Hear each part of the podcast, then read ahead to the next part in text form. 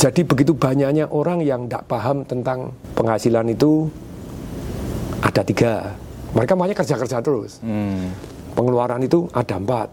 Mereka tidak ngerti bahwa ada pengeluaran yang membuat tahu-tahu miskin itu tidak tahu. Hmm. Jadi jadi kalau kita kecerdasan keuangan kita tahu oh kalau mau cerdas secara keuangan kita tahu ada income, ada spending. Income ada tiga macam. Saya datang dia nangis keluar air matanya ini. Kamu tidak punya duit. Bapak ini hampir mati. Hmm. Kenapa dipindah kelas 3? Tidak bisa tuh nyeneng no papamu di hari-hari terakhirnya. Hmm. Saya jongkok, saya nangis. Saya cuma doa-doa, Tuhan. Teman pengalaman ini sangat membantu saya di bisnis. Eh. Nah, saya sejak SMA, saya menemukan satu jurus yang membuat Tong Desember ini jadi hari ini. Apa Pak? Cari orang yang sukses di bidang yang kamu ingin sukses, Hmm. belajarlah.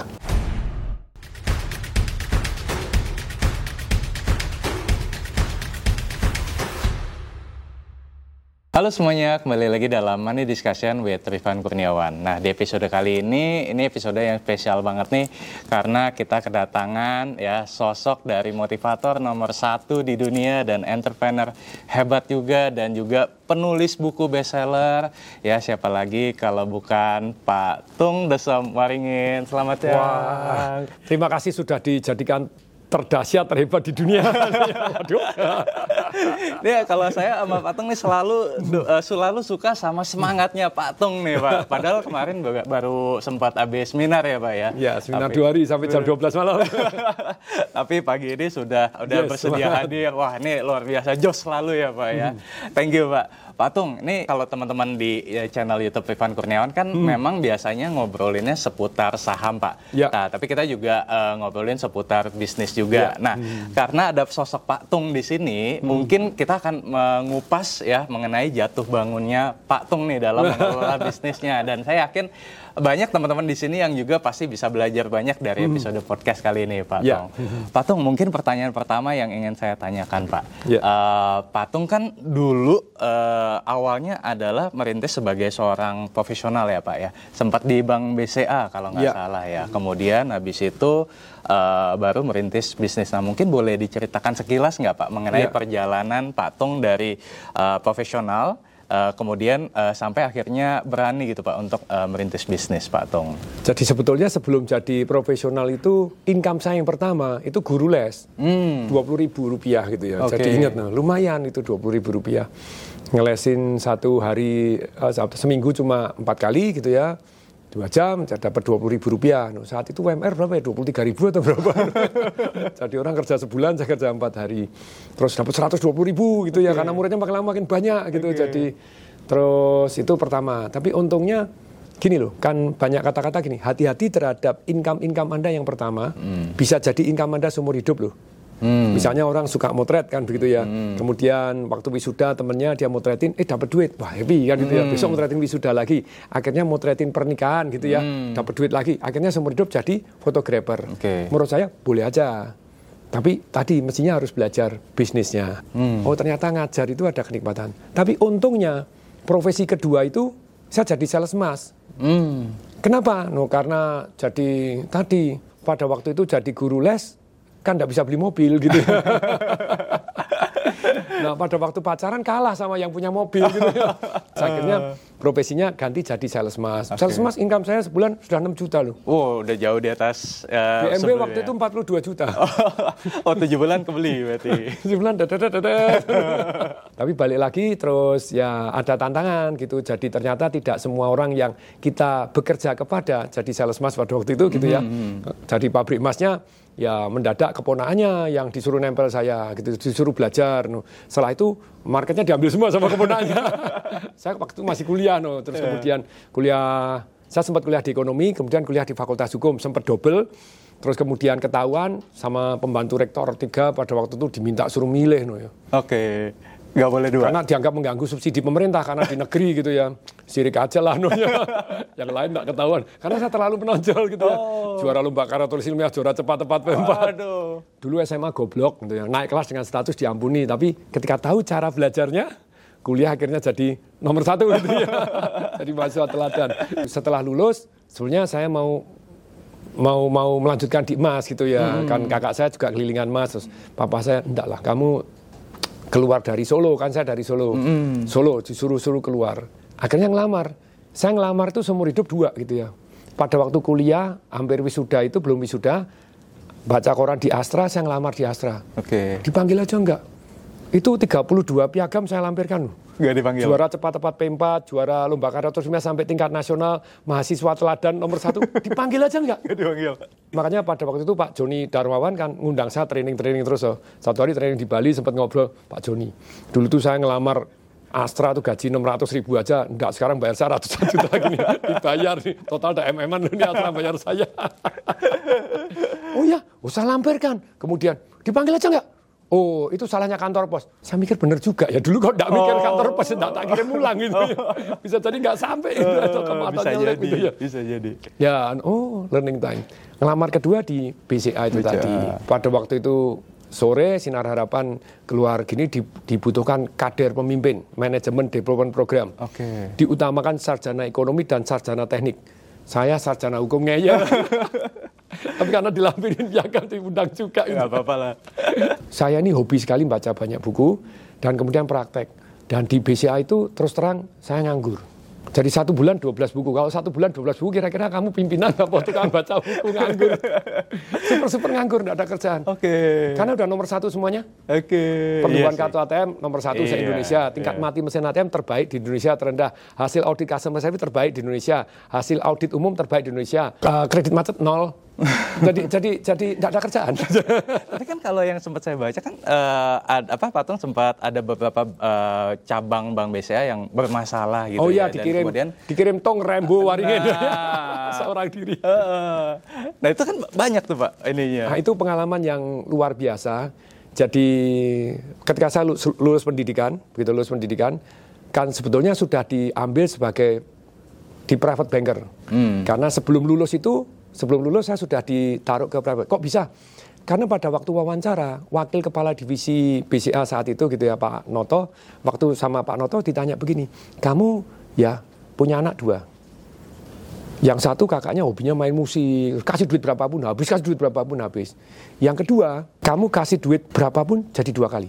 Sekarang kamu mau membagi satu miliar. Untuk refund, kamu baginya gimana? Pasti lebih banyak ke yang kedua dong. Berapa-berapa? Eh, mungkin 70-30. 70-30. Oke. Kakaknya marah. Nah itu kan kasusnya tuh. Dia dia selalu tanya begini macam-macam. Kakaknya marah. Papa pilih kasih. Jawabannya gimana? Ya karena duitnya habis gitu loh. Jadi harus ada yang diperbaiki. Marah lagi. Papa ini ya, kan saya itu anak. Jadi kenapa dibagi-bagi? Papa pilih kasih ya. Kalau enggak 50-50, putus hubungan Pak. Saya enggak mau jadi anaknya Papa. Gimana? Oh, ya ya udah mungkin ya ngikutin 50-50. Pak. Oke, kalau saya enggak, makanya saya diarahkan ke private banking. Oke. Kan waktu itu mungkin bagi 2 miliar itu. Oke. Kamu baginya gimana gitu ya. Saya nanya, 2 miliar, kekayaan bapaknya berapa dulu? Wah, anggap triliuner. Oh, aman kalau triliuner kan gitu ya. kan gitu dah. Saya nanya lagi.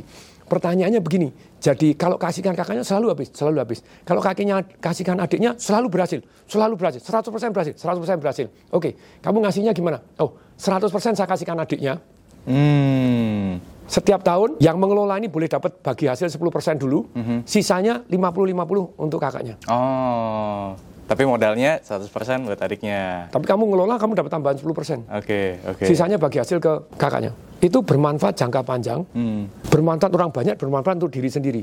Jangka panjang dan jangka pendek. Sekarang jangka pendeknya tidak memungkinkan untuk memenangkan dia. Tapi jangka panjang akan full, Pak. Hmm. Satu jadi dua, satu jadi dua. Sebentar aja, Pak. Duitnya dia kembali dua tahun, udah kembali 100%. Terus kemudian saya masuk, nilainya termasuk paling bagus. Waktu outbound dianggap bisa ngelit. Ah. Terus belum lulus, saya langsung dipanggil. Kamu magang dulu di operasional. Jadi saya operasional magang di Matraman gitu ya. Nah terus tidak jadi lagi. Kamu Surabaya aja ya. Ada apa Bu Surabaya? Hasil auditnya terjelek seluruh Indonesia. Hmm. Oh, kalau gitu saya tak pergi ke audit dulu belajar. Hmm. Kalau masalahnya itu adalah hasil auditnya, kirim aja saya, saya bantu. Nggak pakai jabatan dong. Bener dong, nggak pakai jabatan, apa. Betul. Hmm. Nah itulah, berani untuk mengambil tanggung jawab lebih, nggak hitungan di awal. Problem hari ini, milenial, golongan Z, kalau saya nggak digaji 8 juta, saya nggak kerja. saya lulusan UI, oleh itu kan lulusan UI, kayak Pak Rifan lulusan UI. ya. Boleh sih kalau bapakmu kaya. siapa butuh siapa. Boleh sih kalau akhirnya ada yang menerima dengan standar itu berarti kamu keren negosiator Iya, yang top. iya. Tapi kalau lebih baik nganggur, ya nganggur. Iya, iya. Pertama jangan hitungan dulu. Angel ini satunya. Jangan-jangan hitungan di awal ya. Ya, teman pengalaman ini sangat membantu saya di bisnis. Eh. Nah, saya sejak SMA, saya menemukan satu jurus yang membuat Tong Desember ini jadi hari ini. Apa Pak? Cari orang yang sukses di bidang yang kamu ingin sukses, Hmm. belajarlah. Saya kepengen jadi mahasiswa teladan. Saya cari mahasiswa-mahasiswa teladan tahun-tahun lalu. Saya pengen juara lomba karya tulis. Saya cari. Hmm. Jadi cari orang yang bisa membantu kamu mencapai yang kamu impikan. Terus kalau ditanya kapan mulai terinspirasi untuk usaha sendiri? Sebetulnya kan sebelum masuk BCA pun saya sudah usaha sendiri. Saya jadi sales, saya jadi guru itu kan tetap usaha sendiri. Tahun 1998 Oktober. Pas eh, Itu saya didatangi toh di itu MW jadi MW halo saya utang budi dengan Anda gitu ya. MW itu jadi mendekatin saya untuk supaya ikut di multi level kan gitu ya. Marketing. Nah, terus kemudian ya saya ikut untuk langganan kasetnya aja. Sama gitu Pak ya. saya dulu juga, Pak. Oh iya, itu itu kan di situ ada yang ngomong tentang Robert Kiyosaki. Hmm. Tahun 98 Oktober saya dapat fotokopi bukunya Rich Dad Poor Dad. Hmm. Kalau kamu hanya pensiun saja, nggak punya bisnis. Terus kemudian saya juga baca bukunya John Love. Itu McDonald, tulisannya M, warnanya oranye merah tulisannya M. John Love. ini. Di situ saya tidak, oh Ray Kroc itu caranya, kan dulu kalau saya mulai bisnis, DNA saya itu itu kuatiran gitu loh ya. Jadi oh ini kuatir A, kuatir B, kuatir ini. Kalau bahasa Jawanya sumelangan gitu ya. Akhirnya saya belajar, oh, nah ini pelajaran yang kedua. Kalau tadi kan siapa yang lebih baik, Anda ingin jadi, Anda cari, Jadi, positif deviansinya, kok bisa sukses, Anda pelajarin. ya. Pelajaran yang kedua, hidup ini ya, ternyata kalau kamu tanyanya salah, jawabannya salah.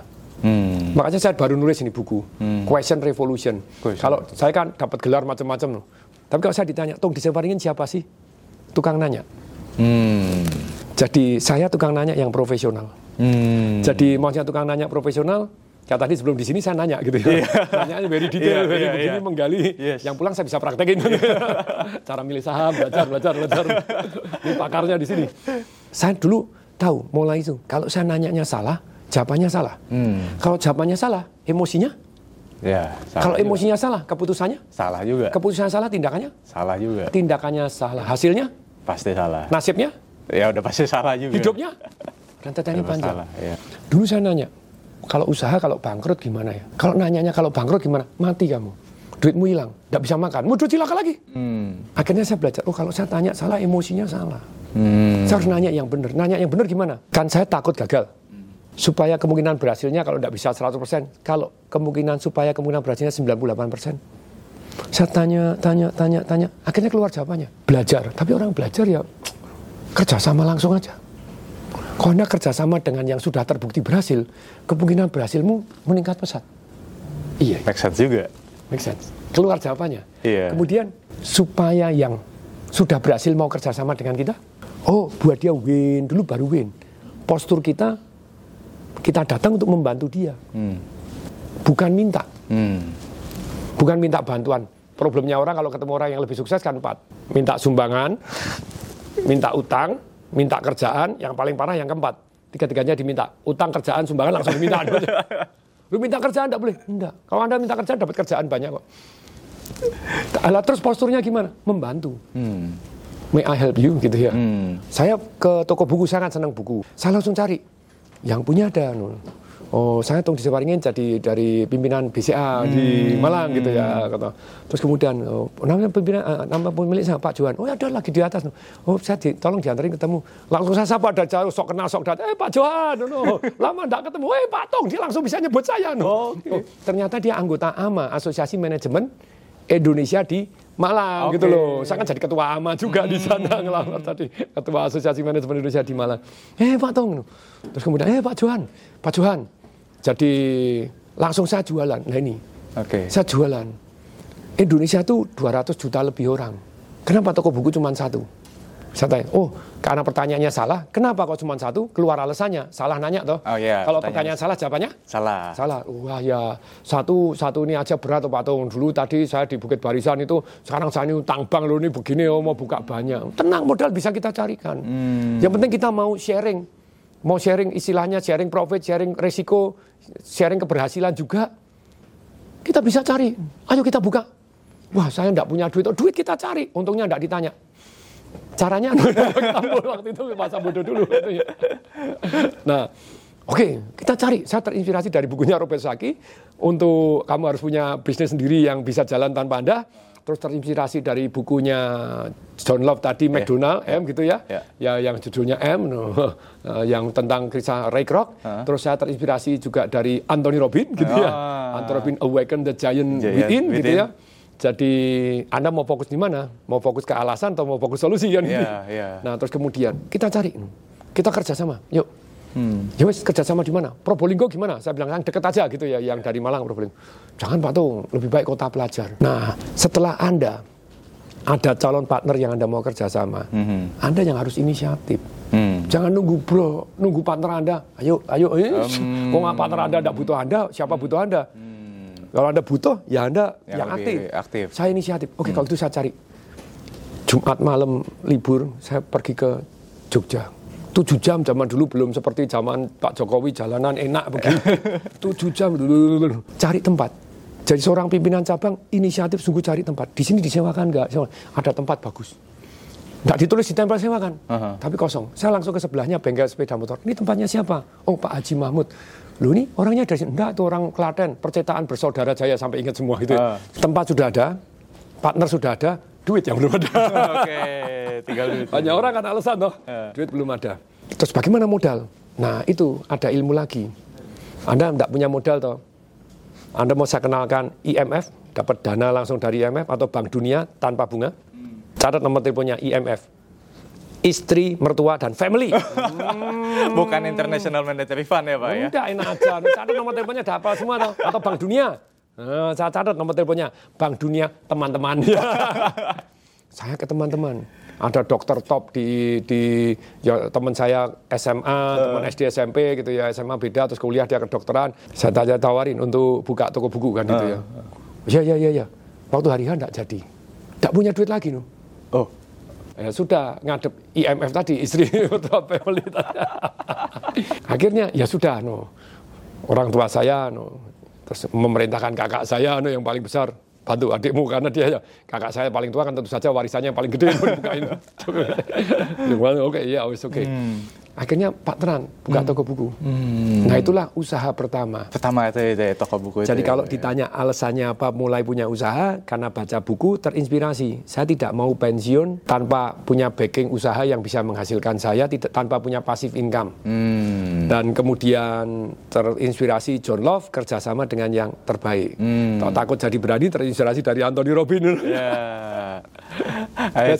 Pak itu tadi Bapak sempat menyebut tentang Anthony Robbins. Nah hmm. saya juga pengen bertanya Pak. Ini kan hmm. uh, apa namanya waktu itu kan Pak Tung sempat ingin ikut seminarnya Anthony Robbins hmm. yang kalau nggak hmm. salah harganya kan sepuluh ribu dolar ya. Yes. Dan tanpa tiket pesawat, tanpa hotel, tanpa di, makan di luar ya Pak ya.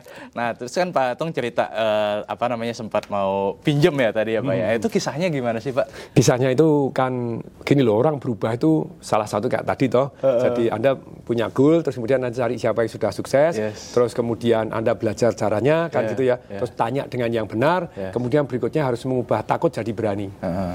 Jadi ternyata takut jadi berani itu benar-benar sangat-sangat tergantung terhadap emosi tuh. Hmm. Nah, bagaimana mengelola emosi itu Anton Robin is really one of the best. Hmm. Untuk mengubah takut jadi berani, mengubah ini jadi.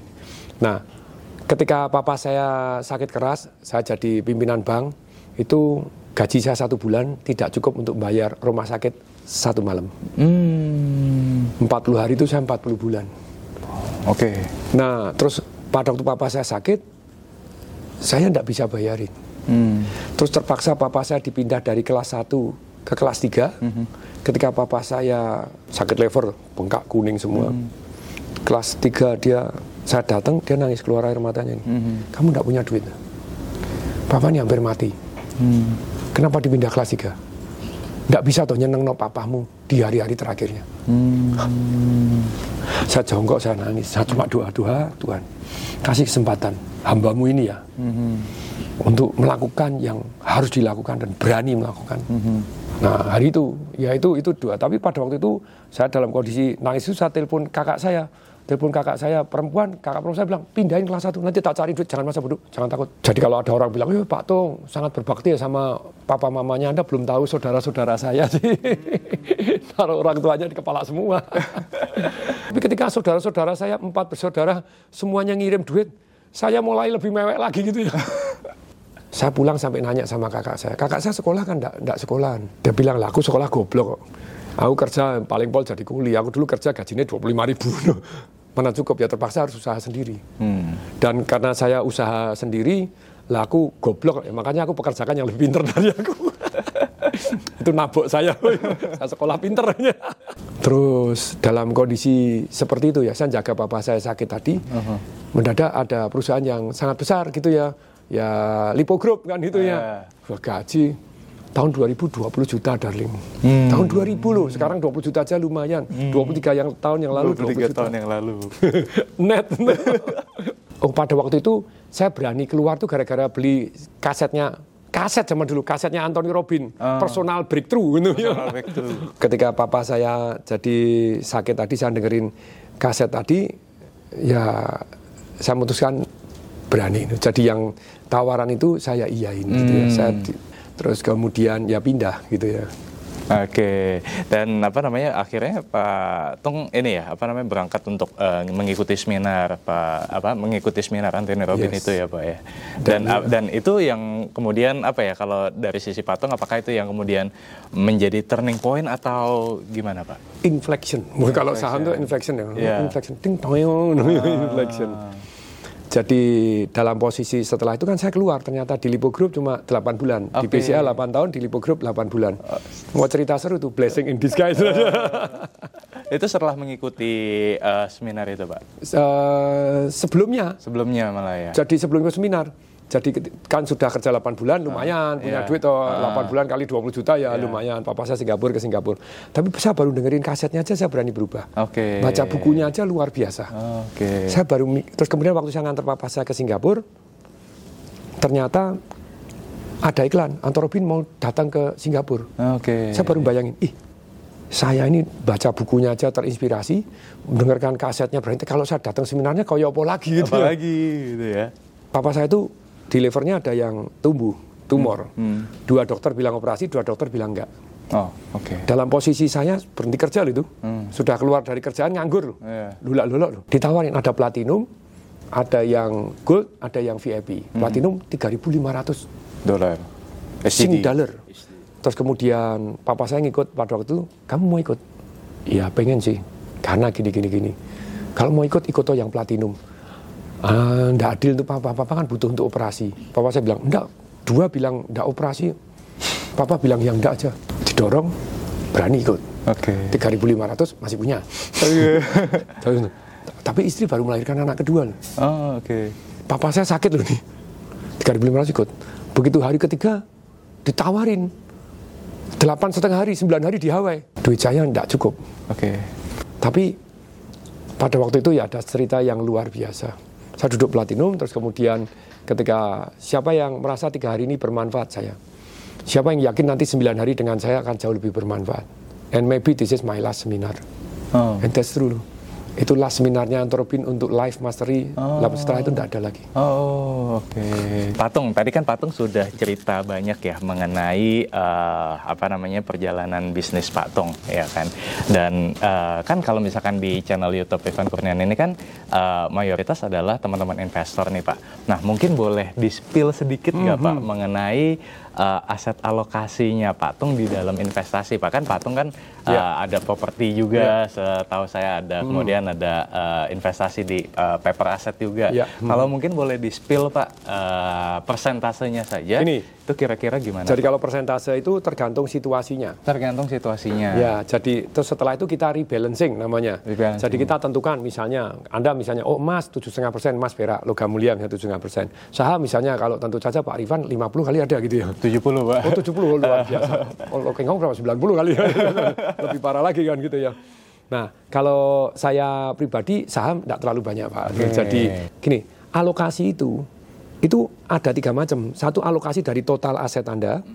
kemudian alokasi dari income Anda, aktif income, alokasi dari pasif income. Nah itu tentu saja akan berbeda. Beda. Nah kalau alokasi dari kekayaan itu misalnya emas Anda 7,5 persen, saham 10 persen misal kan gitu ya, misal. Nanti tergantung situasi kondisinya. Anda setahun minimal sekali rebalancing. Mau cari rebalancing nanti akan saya share. Ini ilmu penting gitu ya. Betul. Saya enggak tahu ini, waduh, amblas duitnya, no, jadi oh, ini naik seneng, bisa turun lagi. Kalau di rebalancing lebih selamat gitu ya. Betul. Jadi portfolionya misalnya tadi bisnis, bisnis berapa? No, 20 atau 30 persen silakan. Oke. Jadi maksudnya bisnis apa? Ya berarti valuasi bisnis saya itu berapa? No? Iya. Properti berapa? 30, 40 persen silakan Anda tentukan. Oke. Kayak tadi mau Bitcoin silakan kalau Anda mau gitu ya. Terus Anda, kalau saran saya Bitcoin jangan lebih dari 10% dari kekayaan Anda karena masih kategori spekulasi loh. Nggak ada fundamentalnya. no. Dan katanya jadi currency, sekarang nggak jadi currency loh, jadi investasi itu bukan currency karena nggak bisa di... Iya. Nah, tapi balik lagi ini. Jadi terus misalnya berlian, lukisan atau apa yang berharga Anda silakan. oke. Berapa berapa persen. Nah, kemudian tergantung situasinya. Oke. Kalau misalnya dari balancing itu gini, satu hari emas naik banyak. Saham lagi anjlok nih. Hmm. Sahamnya tinggal jadi 2%, persen, terus kemudian emasnya jadi 15%. persen. Hmm. Saran saya emasnya dikurangi, masuk ke saham, beli yang fundamental bagus. Hmm, yang lagi terdiskon. Belajar Yang dulu dari Mas Rifan ini. Terima kasih. beli gimana Mercy dengan harga bajai kan gitu. nah, ya price earning ratio-nya Anda harus tahu Ya. gitu. Belajar, belajar, belajar, belajar. Jadi belajar sama ahlinya no, ya. Jadi jangan ikut-ikutan. Tesla go to the moon. Nah, ya, ya, ya, ya, ya, ya, ya. Banyak yang ngarang ikut-ikutan. Iya. Loh, itu FOMO, FOMO. Ah, kalau FOMO kan parah no. Lah itu Lo Keng Hong ikut. Ya boleh sih Anda Lo Keng Hong. Tapi Lo Keng Hong punya pertimbangan dan Lo Keng Hong misalnya punya kapan dia keluar gitu Iya, loh ya. time Anda nggak ngerti loh. Nah, ketika keluar, kalau kamu nggak ikut keluar, ketinggalan. Bye. Iya. Jadi ikut-ikutan ya. Kalau Anda bisa teplek ya lumayan. Tapi kalau nggak bisa ya kena deh nanti. Iya. Nah, tapi sama. Lebih baik portfolionya di samakan lagi. Dari tadi tujuh setengah mendadak dengan harga emas naik, saham lagi anjlok. 15 turunin jadi tujuh setengah, ini jadi ini. Oke. Ini naikin jadi 10% lagi, Ah. yang lagi diskon-diskon. Iya. Rebalancing. Oke. Nah, Asik. tapi begini loh ya, kalau saya memberikan portfolio seperti ini, risiko tanggung sendiri. Iya, begitu loh ya. profil risikonya. Ada disclaimernya, karena apa? Kalau untung nggak pernah bagi saya, rugi. Eh, kata Pak Tung nih gitu Kata ya. Pak Jangan, Tung, jangan, "Jo, jangan. ya tanggung jawab. Betul, betul ya. Jadi tetap disclaimer ya Pak Tung Dan ya. belajar ilmunya. Ya. Karena saya bilang, perak mestinya lebih bagus daripada emas. Anda tahu nggak beli di mana? Ah, nggak ngerti. Kapan saya akan jual? Nggak ngerti juga loh ya. Nah, Anda sering cari spill, saham apa yang bagus? Iya. Tapi nggak ngerti, Pak Rifannya keluar kapan, nggak ngerti gitu loh ya. Anda ikut-ikutan toh. no. Iya. Kenapa belinya juga? Nah, kenapa belinya, kapan jualnya, di mana belinya, Anda harus belajar. Betul, setuju. Jadi ilmunya nggak ngerti, ikut-ikutan.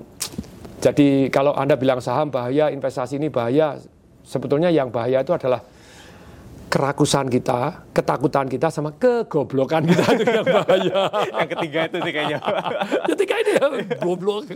Mohon maaf saya menggunakan kata-kata keras karena saya sering goblok. Jadi sesama orang goblok boleh saling menggoblokkan. Boleh kok kita goblok together. Yang penting jangan goblok forever. setuju, setuju. Pak Tung, saya juga pengen tanya Pak. Eh, ada satu statement Bapak yang eh, apa namanya kena banget kalau di saya Pak. Itu yang ini Pak, ini saya sempat eh, tuliskan juga. Pak Pak Tung sempat mengatakan bahwa banyak orang itu kebanyakan gaya. Padahal gaya itu berbanding lurus dengan tekanan, ya kan? Eh, apabila hidup Anda banyak tekanan, berarti Anda kebanyakan gaya. Nah, bagaimana cara Anda gaya tanpa tekanan adalah passive income Anda segede gajah, ya, kemudian eh, Anda gaya segede kerbau, ya kan? Nah, itu mengena banget sih saya, Pak. Cuman kalau kita bicara realita, Pak, di zaman sosial media sekarang ini, ya, apalagi mungkin eh, teman-teman yang masih relatif muda, Pak. Pak, mungkin kalau dulu zaman Pak Tung atau mungkin eh, di saya pun ketika kita bertumbuh, kita tidak terlalu terekspos dengan sosial media. Tapi kalau kita bicara 2023, ini exposure sosial media ini kan Ya. udah luar biasa, Pak. Ya. Dan banyak orang yang tadi ya akhirnya kemakan dengan gaya tadi, Pak. Ya. Padahal passive income-nya belum besar. Jangan kan pasif income. Income aja belum punya sudah banyak gaya. No. Belum punya income, boy. Masih minta begini ya banyak gaya. Nah, apa mungkin Pak Tung bisa memberikan advice-advice gak Pak ke teman-teman eh, yang mungkin masih masih relatif muda Pak terkait hal ini? Jadi yang saya lihat generasi-generasi sekarang generasi apa ya? Setelah milenial, generasi Z, Z, generasi Gen Z, ada yang bilang apa ada yang bilang strawberry generation. Wah, strawberry.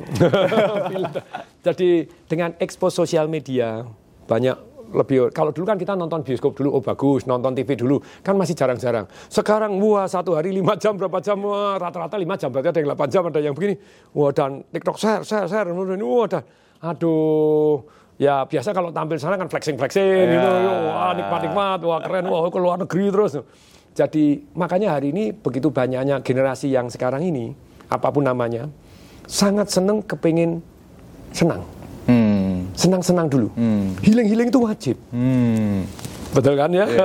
Senang-senang itu harus. No, ya. Ketika saya bilang harus sabar dan disiplin, mereka belum tahu ilmu saya. Bahwa ternyata kita bisa loh sabar dan disiplin, tapi tetap senang-senang. Hmm. Nah, mereka, hm, keburu mati. No, ya. Enggak loh, saya dari dulu senang-senang terus. Sekarang senang banget. tapi balik lagi. Jadi jadi banyak mereka itu cari yang suka, yang seneng.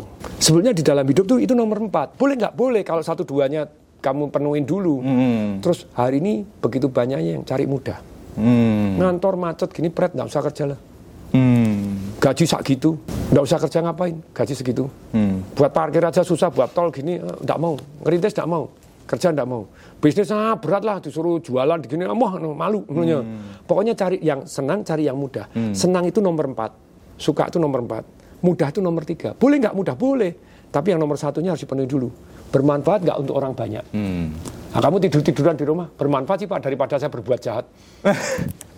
Iya juga sih. Benar juga sih, benar juga Enak banget itu loh ya. Jadi yang bermanfaat orang banyak. Kalau kamu pasif doang, ya, mager terus ya. Kemudian yang kedua, menghasilkan gaya hidup yang anda inginkan nggak? Hmm. Jadi kalau itu ternyata sulit, ternyata kamu tidak suka, tapi bermanfaat untuk orang banyak, dan itu menghasilkan untuk kamu, boleh. Saya beri contoh, saya punya murid dapat warisan pabrik tekstil, anak tunggal di Bandung. Hmm. Ngomongnya gini, Pak, saya tuh tidak suka tuh pabrik tekstil saya tidak suka. Kira-kira kalau anda yang ditanyain gitu sebagai konsultan nasihat anda apa? Saya tidak suka Pak pabrik tekstil. Bapaknya 35 tahun ngembangin ini. Anak tunggal diwarisin pabrik tekstil tidak mau. Nggak mau. Tidak suka. Padahal itu kan bermanfaat untuk orang banyak toh. Customernya bermanfaat, karyawannya bermanfaat, keluarga bermanfaat toh. Menghasilkan gaya hidup yang dia inginkan toh. Saya bilang nasihat saya satu, kasih saya aja. Karena banyak sekarang itu kepengennya suka. Dia tidak ngerti bagaimana penderitaan orang tuanya itu membesarkan pabrik tekstilnya 35 tahun. tahun. Suppliernya dibentuk, kenalnya dibentuk. Lah terus gimana Pak? Saya tidak suka. Tapi kan mudah. Iya. Betul kan? Ah, udah udah diberikan Udah jalan kemudahan. Ah. Kalau saran saya, kalau walaupun kamu tidak suka, kamu pelajarin dulu dari banyak sudutnya semua. Kalau kamu suka, lanjutkan. Ah. Kalau tidak suka, kamu sudah tahu caranya delegasi, Hmm. tahu caranya kontrol, Hmm. tahu caranya milih karyawan yang tepat, cara taunya monitor, tahu cara meriksa laporan keuangannya, gitu ya. Dan kamu tahu ada target-target tertentu, dan kamu punya ketegasan sebagai seorang leader tidak mencapai ya dibina. Waktu tertentu tidak bisa binasakan, ganti aja manajemennya, kan gitu toh. Iya.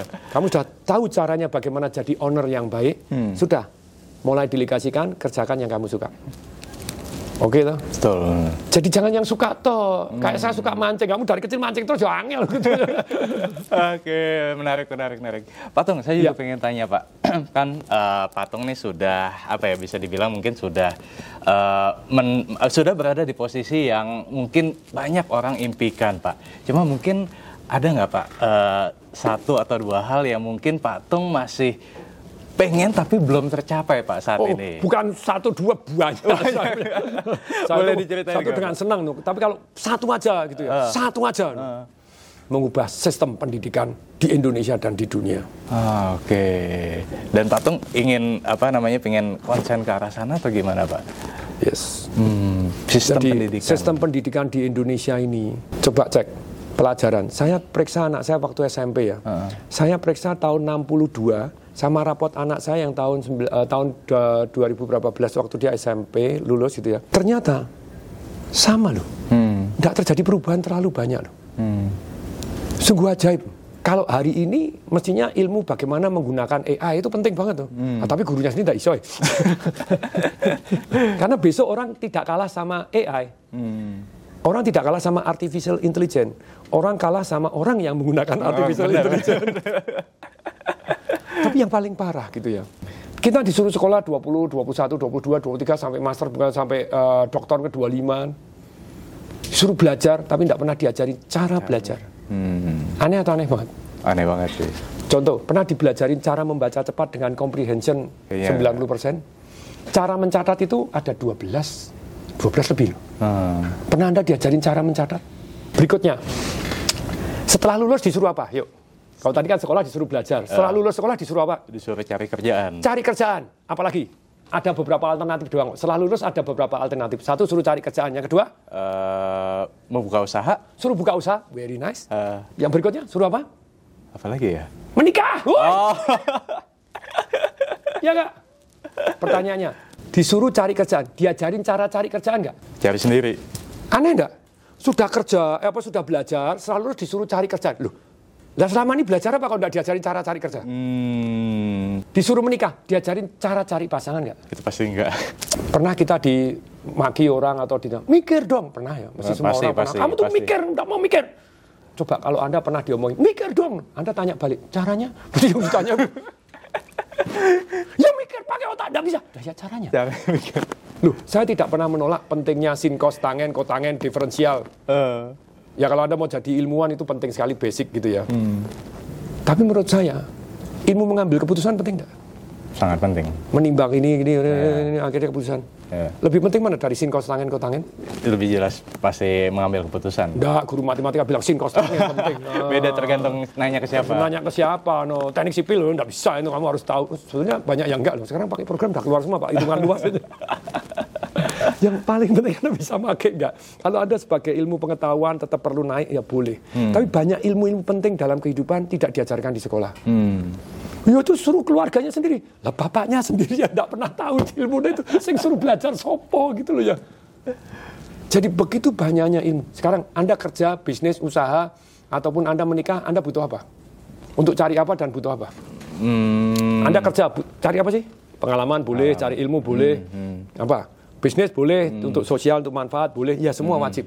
Bisnis harus bawa manfaat orang banyak nomor satunya. Tapi kalau tidak menghasilkan apa-apa untuk Anda, Hmm. masker oksigen pakai dulu baru bantu yang membutuhkan. Betul. Lo Anda tidak cukup Anda kerja sosial, ya boleh lah Pak, tidak apa-apa, no, ya boleh daripada enggak. Tapi kalau anak Anda mau sekolah Anda tidak bisa, Anda gantian minta sosial sama orang lain. Jadi maksud saya begini, kalau memang mengelola uang penting, mencari uang penting, diajarkan di sekolah, sampai S3 pun tidak diajarin. Kecerdasan keuangan. Jadi begitu banyaknya orang yang tidak paham tentang penghasilan itu ada tiga. Mereka maunya kerja-kerja terus. Hmm. Pengeluaran itu ada empat. Mereka tidak ngerti bahwa ada pengeluaran yang membuat tahu-tahu miskin. Itu tidak tahu. Hmm. Jadi jadi kalau kita kecerdasan keuangan kita tahu, oh kalau mau cerdas secara keuangan, kita tahu ada income, ada spending. Income ada tiga macam. Aktif kerja baru dapat income, pasif tidur pun dapat income, portfolio income kenaikan dari aset Aset. kita, capital gain kita. Mana income yang paling penting? Pasif income. Hmm. Aktif income itu untuk dapat duit supaya kita punya pasif income, punya capital gain supaya kita punya pasif income. Hmm. Tapi banyak orang tidak pernah tahu. Jadi kebanyakan kerja kerja kerja kerja nggak pernah punya passive income. Akhirnya, masa anda kerja ya semoga kita sehat terus sampai dipanggil Tuhan dan panggil Tuhannya 120 nanti umurnya gitu ya. Amin. Ya kalau anda sakit Udah ya udah. Hari ini banyak teman-teman seangkatan saya pada hari pensiun, pensiun, pensiun, Ah. pensiun. Ya banyak yang baik karena pesangonnya bagus sekali, karena diajarin dulu persiapan pensiun yang bagus. Tapi banyak juga yang tidak tahan. Empat tahun habis. nggak siap dengan pensiun. Oke, Patung. Wah, ini nggak kerasa udah apa namanya udah panjang ya Patung sharing. Eh, saya yakin teman-teman juga pasti bermanfaat. Mungkin Patung eh, singkat aja kalau misalkan Patung eh, boleh nggak berikan eh, advice beberapa advice ke teman-teman di rumah Pak. Kira-kira nih buat mereka yang ingin sukses ya. Apa yang harus disiapkan oleh teman-teman nih Pak supaya bisa mengikuti jejak Patung Wah, The Semoringin. Silakan Pak. Jadi kalau Anda mau ikutin saya ada tujuh resep sukses anti gagal. Nomor satu kita pu- punya keyakinan. Nomor satu kita punya keyakinan. Tidak ada kata gagal. Yang adanya sukses dan belajar. Kalau belum sukses ya kita harus belajar. Belajar. Kalau sudah sukses tetap belajar supaya besok lebih sukses lagi. Karena cari uang berubah terus, sebenarnya gitu ya. betul. Kemudian Anda keyakinan. Kemudian yang kedua Anda punya goal. Goal yang apa? SPTM, spesifik, positif, tertulis dan menarik. Hmm. Menarik itu ada emosinya. Why? Ada nikmatnya. Oh, hmm. gitu. Yang ketiga, Anda harus punya alasan sangat kuat. Why? Why Anda harus tulis kalau Anda tidak ini sengsaranya apa? Hmm. Kalau Anda punya alasan sangat kuat, Anda mau bayar ongkosnya. Mau lama Anda jalani, mau susah Anda jalani sampai sukses. Hmm. Anda akan komitmen kalau alasan Anda sangat kuat. Hmm. Orang hanya bergerak karena cari nikmat menghindari sengsara, sengsara 80% motivasi kita. Kalau Anda tidak menemukan sengsara, tulis. Kemudian yang keempat, belajar dari yang terbaik. Learn from the best that already there. Apa yang terbaik pasti bisa kita contek? Enggak. Karena hmm. ada hal-hal tertentu yang mungkin kita, ah saya tidak mau nyontek yang tidak halal ini, saya tidak hmm. mau. Jadi kita tidak mengkultus individukan orang, kita hanya terinspirasi hal-hal yang baik dan mendapatkan pelajaran. Kisah hidup orang, siapa pun, hmm. tinggal dua kok either dia jadi inspirasi yang bisa kita contoh atau jadi pelajaran yang jangan dicontoh kan gitu ya, dari kisah hidup manusia selalu yeah. ini. Kemudian yang kelima, ini yang terbaik dari resep sukses. Take action sampai jadi habit toward your goal. Hmm. Kalau saya hanya milih dari resep sukses satu, take action hmm. sampai habit. Jadi habit ini yang membuat Anda mungkin tidak punya goal, tidak punya alasan sangat kuat, tidak punya mentor, tidak punya pembimbing, tapi Anda kebiasaannya memang langsing, Anda langsing. Kebiasaan Anda kaya, Anda kaya. Hmm. Nah, anda pelajarin kebiasaan-kebiasaan orang yang sukses ini apa? Yeah. Anda aplikasikan dalam hidup Anda. Hmm. Satu bulan, satu kebiasaan aja. Dua tahun hidup Anda bumi dan langit. Satu bulan, satu kebiasaan baik aja. Tentang kesehatan, tentang relationship, tentang keuangan, tentang bisnis Anda, tentang sebagai pemimpin seperti apa. Satu aja, satu aja. Hmm. Atomic habit satu kecil dulu. Hmm. Kemudian yang keenam, peka monitor. Peka monitor. Kalau saya peka monitor dan lapor, PML gitu ya, hmm. persiapan ML katanya. Peka monitor lapor. Anda peka dari tindakan mana harus dimonitor. Hmm. Hasilnya mana yang mengarah ke tempat yang Anda impikan atau menjauh. Hmm. Menjauh ditiadakan, yang mengarah ke sana dipercepat, diperbanyak. Hmm. Monitor. Yang ketujuh, resep sukses itu adalah yang namanya Anda fleksibel dan persisten. Hmm. Fleksibel terhadap caranya, persisten terhadap usahanya. Hmm. Belum berhasil ganti cara, belum berhasil ganti cara. Pokoknya usaha hmm. terus sampai berhasil. Jadi Anda betul-betul fleksibel, caranya ganti lagi. Tentu saja yang halal kan gitu ya. Hmm. Terus kemudian persisten tetap usaha dan usaha maka Anda akan sukses. Itu pesan saya. Oke, luar biasa. Terima kasih Pak Tong sekali lagi atas waktunya. Semoga sukses selalu dan semoga banyak teman-teman yang juga bisa uh, terinspirasi dengan kisahnya Pak Tung. Ya, sayang sekali uh, karena keterbatasan waktu uh, apa namanya harus kita akhiri dulu ya Pak Tung ya. Tapi kalau misalkan teman-teman ingin uh, keep contact dengan Pak Tung, mungkin nanti bisa mampir ke sosial media kali ya Pak ya. Ya, di Instagram saya tungdesemwaringin.tdw. Uh. Terus kemudian kalau Twitter itu tung dewe, tung dewe. Kalau di YouTube ya @tungdesemwaringin.tdw. Oke. Nanti nah. saya nih mulai lebih aktif lagi di, di... YouTube untuk mengisi-ngisi materi-materi yang bermanfaat. Amin, luar biasa. Nah nanti uh, apa untuk uh, akun-akunnya kita taruh juga di kolom deskripsi. Oke, uh, terima kasih Patung sekali lagi untuk waktunya dan terima kasih untuk teman-teman yang sudah menyaksikan. Semoga podcast ini bermanfaat. Jangan lupa untuk klik like, uh, subscribe, share dan juga uh, nyalakan notifikasinya supaya nggak ketinggalan konten-konten yang lainnya. Akhir kata, saya Rifan Kurniawan. Sampai jumpa di Money Discussion berikutnya. Thank you semuanya.